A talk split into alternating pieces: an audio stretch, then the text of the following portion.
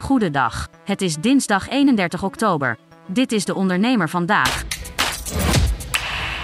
In het derde kwartaal van 2023 is er een opleving in de Nederlandse handel, maar tegelijkertijd krimpen de detailhandel, horeca en bouwsector. Dat blijkt uit een analyse van bedrijfsdata-specialist Altaris Dun en Bradstreet. Het aantal faillissementen vertoont een stijgende trend, maar vooralsnog is er geen sprake van een grootschalige crisis in dit opzicht.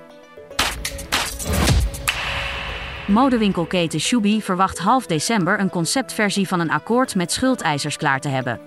Marketingmanager Janneke Schoenmakers laat weten dat Shubi de afgelopen weken een aantal belangrijke stappen heeft gezet. Supermarktconcern Ahold Delhaize betaalt 1,3 miljard euro om de belangrijke Roemeense levensmiddelenketen Profi over te nemen.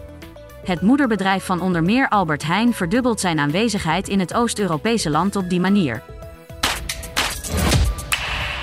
Bedrijven kunnen de overstap van fossiele energie naar elektriciteit beter maken als ze samenwerken in een zogenaamde energiehub. Dat blijkt uit nieuw onderzoek van ingenieursbureau Royal Haskoning DHV.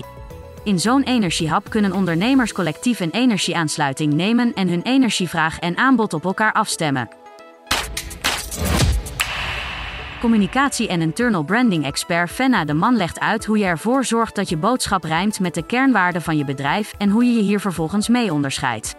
Lees haar blog nu op deondernemer.nl. Tot zover de ondernemer vandaag. Wil je meer? Ga naar deondernemer.nl.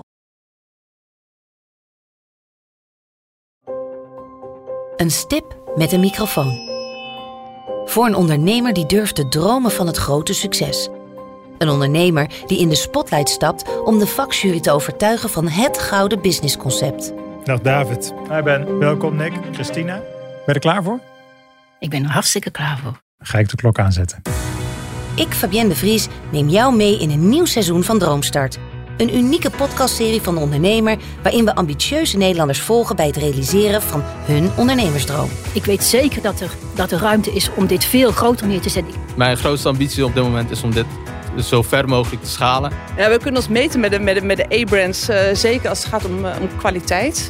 En mensen die willen ervoor betalen als het werk gewoon goed wordt geleverd. Volg Droomstart in je favoriete podcast-app en mis niets van dit unieke kijkje achter de schermen. Droomstart is een initiatief van de ondernemer en podcastbureau As We Speak en wordt je aangeboden door Credits.